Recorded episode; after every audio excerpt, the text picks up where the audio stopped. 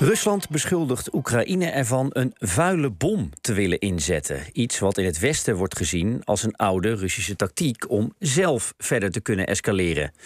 En ondertussen bouwen de Russen verder aan een verdedigingslinie, de zogenaamde Wagner-linie. En blijft het ook spannend in de regio Gerson, waar de Oekraïnse opmars steeds verder vordert. Hoog tijd dus voor een round-up van de oorlog. En dat doen we regelmatig met VRT-journalist en defensiespecialist Jens Fransen. En ook hij is vanmiddag weer bij ons te gast. Jens, welkom. Goedemiddag. Um, allereerst even over die Russische claim dat Oekraïne een vuile bom zou willen inzetten. Kun je allereerst uitleggen wat dat is, een vuile bom? Ja, een uh, vuile bom, en dat is heel belangrijk om te weten, is geen kernbom, is geen atoomwapen. Niet tegenstaande er wel vaak gesproken wordt over radioactieve materialen die daarbij gebruikt worden. Wat is het grote verschil? Bij een kernwapen gebruik je verrijkt uranium of plutonium.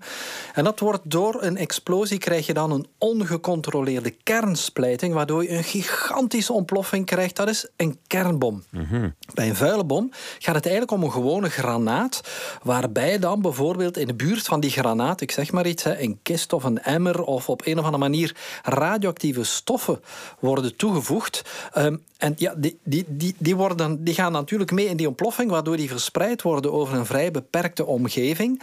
Waardoor je daar dan heel lokaal wel een ja, radioactieve besmetting hebt. Een vuile bom is eigenlijk waarvan men vreest dat bijvoorbeeld terroristen die zouden gaan gebruiken. Die gaan radioactief materiaal uit een ziekenhuis gaan stelen of in een kerncentrale.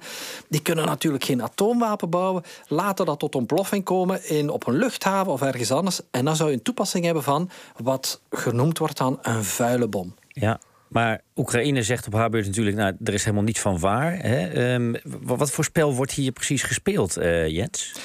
In het Frans wordt vaak wel eens verwezen naar à qui profite le crime. Ehm, ja, als je dit hele spel begint te krijgen, het is een heel cynisch spel, hè, waarbij beide kampen elkaar beginnen veroordelen en, en beginnen beschuldigen, is het natuurlijk kijken van wie doet dit waarom. Hè. In het Engels wordt dan gesproken van een false flag operatie, mhm. waarbij er eigenlijk een aanval of een schijnaanval of een ontploffing is, die dan in de schoenen zou worden geschoven van de andere, zodanig dat de eerste partij die beschuldigt, dat die dan bijvoorbeeld kan gaan terugslaan, om bijvoorbeeld een, een oorlog te gaan uitlokken, dat soort mhm. dingen. Oekraïne zegt duidelijk van kijk, wij hebben geen enkel belang bij dit soort operaties. Waarom zouden we ons eigen land gaan besmetten? Bovendien, ja, welk groot manoeuvre zouden wij kunnen gaan uitvoeren? Wij kunnen geen kernwapens inzetten. Wij kunnen niet plots uh, jachtbommenwerpers richting Moskou gaan sturen. Aan de andere kant heb je dan Moskou dat waarschuwt voor zo'n vals vlek wellicht om Oekraïne een stukje te gaan uh, uh, in discrediet te brengen. Opmerkelijk is wel dat je eigenlijk een zeer grote parallel ziet met wat in 2018 in Syrië gebeurd is, waar Rusland toen ook dat Syrische regime van president Assad steunde.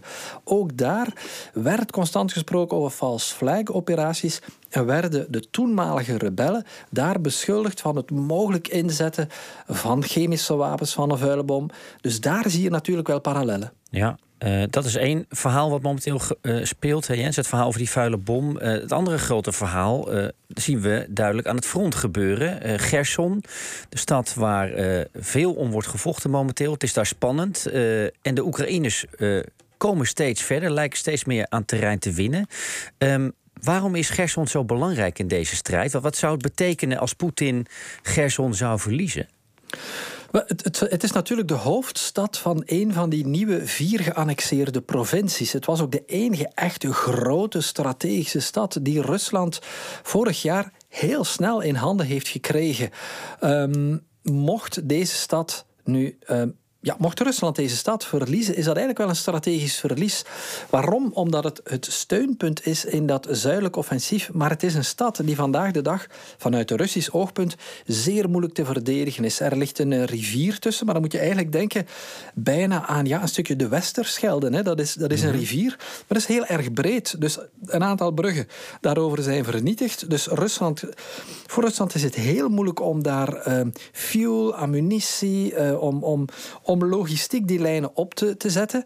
En ze zitten daar een stukje, ja, eigenlijk in de tang genomen. En die strop wordt steeds nauwer aangetrokken. Er zijn berichten geweest van evacuaties van burgers. Aan de andere kant waren er gisteren nog berichten dat het Russische leger niet van plan is Gerson zomaar op te geven. Ehm, even over die, die gedwongen evacuaties, hè, zo zou je het wel kunnen noemen. Rusland noemt het evacuaties. Oekraïne zegt dit zijn zelfs deportaties van mensen hè, uit die regio Gerson. wat zijn de verhalen die je daarover hoort, Jens? Want daar wordt best druk over gespeculeerd waarom dat zou gebeuren. Hè? Of dat eventueel iets te maken zou hebben met de dreiging van Russische kant om kernwapens in te zetten.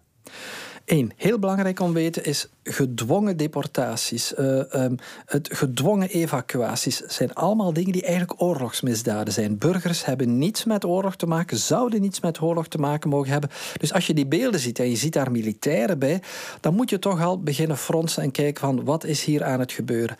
Um, bovendien, ja, het is ook niet onafhankelijk geverifieerd, maar de beelden zijn er natuurlijk wel van mensen die in bussen stappen en die schijnbaar zelf willen vertrekken. Vraag is, doen die mensen dat uit? Ja, doen die dat vrijwillig? Het is ook niet uitgesloten hè, dat daar een aantal families, een aantal ouderen, een aantal mensen met kinderen zijn, die natuurlijk ook weten dat er mogelijk een strijd zit aan te komen voor hun stad, dat die tijdelijk eieren voor hun geld kiezen en dat die zeggen, kijk, wij gaan 100, 200, 300 kilometer verder landinwaarts trekken. Mm naar vrienden of familie. Al is het maar om heel even onze, onze families veilig te stellen, mocht er een grote strijd komen in Gerson. De dreiging van kernwapens. Um, zelf schat ik die relatief klein in. Ik denk dat de kans op een incident met een vuile bom of een bombardement op een, een burgerlijke kerncentraal een stukje groter is. Waarom schat ik die kans klein in? Omdat het vanuit militair oogpunt wint Rusland daar heel weinig bij.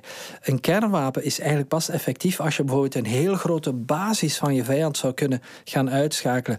Hm. Maar vanuit Russisch uh, oogpunt, ja, waar zou je dan die grote basis moeten gaan vinden aan de Oekraïnse zijde? Dus het, het Russische regime zou een kernwapen kunnen inzetten, want ze hebben die natuurlijk. Maar militair winnen ze nauwelijks iets. Want je krijgt dan één gebied waar de schade heel groot is, waar je radioactieve besmetting hebt. Je weet ook niet welke winter waait en naar waar die radioactieve wolk zou kunnen gaan waaien, mhm. eventueel naar je eigen troepen. En twee, eigenlijk stelt dat militair niet zoveel door, want dit is een frontlinie van duizend kilometer. Dus je kan daar twee, je kan daar twee of twintig kilometer radioactief besmetten. Maar dan blijft er nog wel 980 kilometer over. Hoe dan ook heel veel risico's, ook voor, Russen, eh, voor de Russen kleven er dus aan om eventueel al een kernwapen eh, te willen gebruiken. Uh, dan nog even kijken, Jens, naar. Kernwapens hè, zijn eigenlijk politieke wapens. zijn wapens die, waar politici mee kunnen dreigen. Maar ik, ik, verwacht niet dat militairen die wapens echt nu zouden gaan inzetten, omdat je daar militair heel weinig mee wint. Um, want ik wil het ook nog even hebben, eh, Jens, tot slot met jou over die verdedigingslinie hè, die de Russen bouwen nu. Toch ook heel opmerkelijk. Um, uh, de Wagner-linie wordt die genoemd, hè, naar de Wagner-groep, dat omstreden Russische privéleger, wat gelieerd is aan het Kremlin. Die zouden die linie aan het aanleggen zijn. Hoe, hoe ziet die eruit en, en wat, wat wilde de Rus daarmee bereiken? Ik stel voor dat we ze eigenlijk niet langer de Wagner-linie noemen, maar laten we ze gewoon de Toblerone-linie noemen. Je weet wel, het Toblerone, die driehoekjes chocolade. Ja. Want eigenlijk, eigenlijk ziet het er gewoon het ziet er zo uit. Hè. Je moet je voorstellen, in tussentijd al kilometers lang. Een dubbele lijn met uh, witte piramides, kleine driehoekjes van beton gemaakt. Klein moet je je voorstellen, ergens. Uh, bij ons zouden ze denk ik komen tot ons middel. Um, en en de, de, vergelijking wordt dan gemaakt met die Tweede Wereldoorlog, de Siegfried-linie, die overigens voor een zeer groot deel langs Nederland liep. Hè, van mhm. Eindhoven naar Luxemburg naar Basel. En dat waren eigenlijk antitanklinies. Um, maar dat waren linies waarbij je uh, commandobunkers had, waarbij je adelaarsnesten had, waarbij je mijnenvelden had. En dan had je van die zogezegde drakentanden. Hè. iedereen heeft dat ongetwijfeld gezien. Je kent die foto's van, van al die driehoeken die uit, uit de grond komen. Maar dat waren heel grote betonnen constructies waar jaren aan gebouwd is. Die Wagner-linie, of Toblerone-linie, uh, zoals ik ze liever noem, ja, dat zijn eigenlijk gewoon losse stukjes die, die in de velden worden gezet. En die, ja, eigenlijk mochten wij daar naartoe rijden met, met een beetje, zelfs nog niet echt uit de kluiten gewassen jeep. En we haken daar gewoon een, een, een metalen kabel aan, dan sleep je die zomaar weg, want die hmm. zitten niet verankerd, die zitten niet in een groot netwerk. Dus het lijkt erop dat dat vooral iets is wat te maken heeft met één, psychologisch aan de eigen bevolking zeggen van kijk jongens, we doen iets, hè, de Oekraïners zijn aan het komen. Maar we zijn wel bezig met het opbouwen van een verdedigingslinie. Dus dit lijkt vooral een stukje propaganda. Hmm. Fascinerend, Jens. Uh, hartelijk dank weer voor uh, de round-up over alles wat er momenteel in Oekraïne gebeurt. Jens Fransen was dat, VRT-journalist en defensiespecialist.